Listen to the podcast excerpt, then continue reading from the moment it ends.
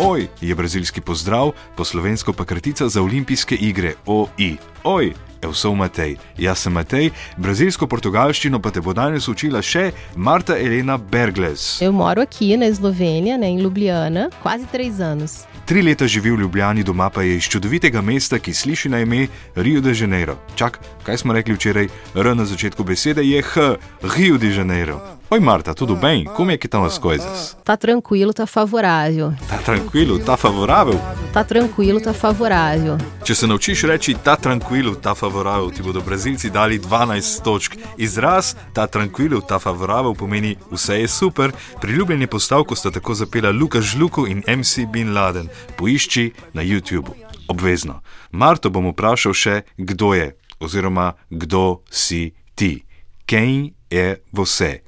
Quem é você? Quem sou eu? Eu sou a Marta.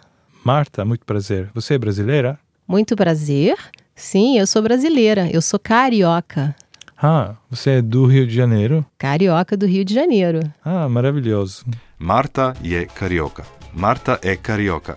Čak, ta stavek zveni enako v portugalščini.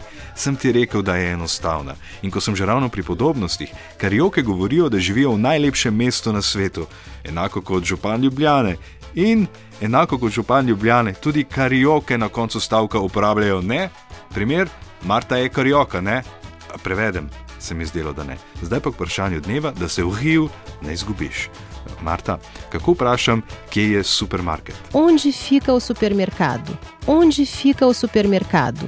Onde fica, se rima na trafika. Nauči me še nekaj uporabnih besed, prosim, por favor. Letališče, Onde fica o aeroporto? stranišče, Onde fica o banheiro? Maracanã, Onde fica o Maraca? ja, stadionu Maracanã, v Rio rečejo še krajše. Maraka, Maraka, Copacabana. Onde fica Copacabana? Todo carioca sabe. Vsi v Rio vedo, ker je plaža vedno blizu.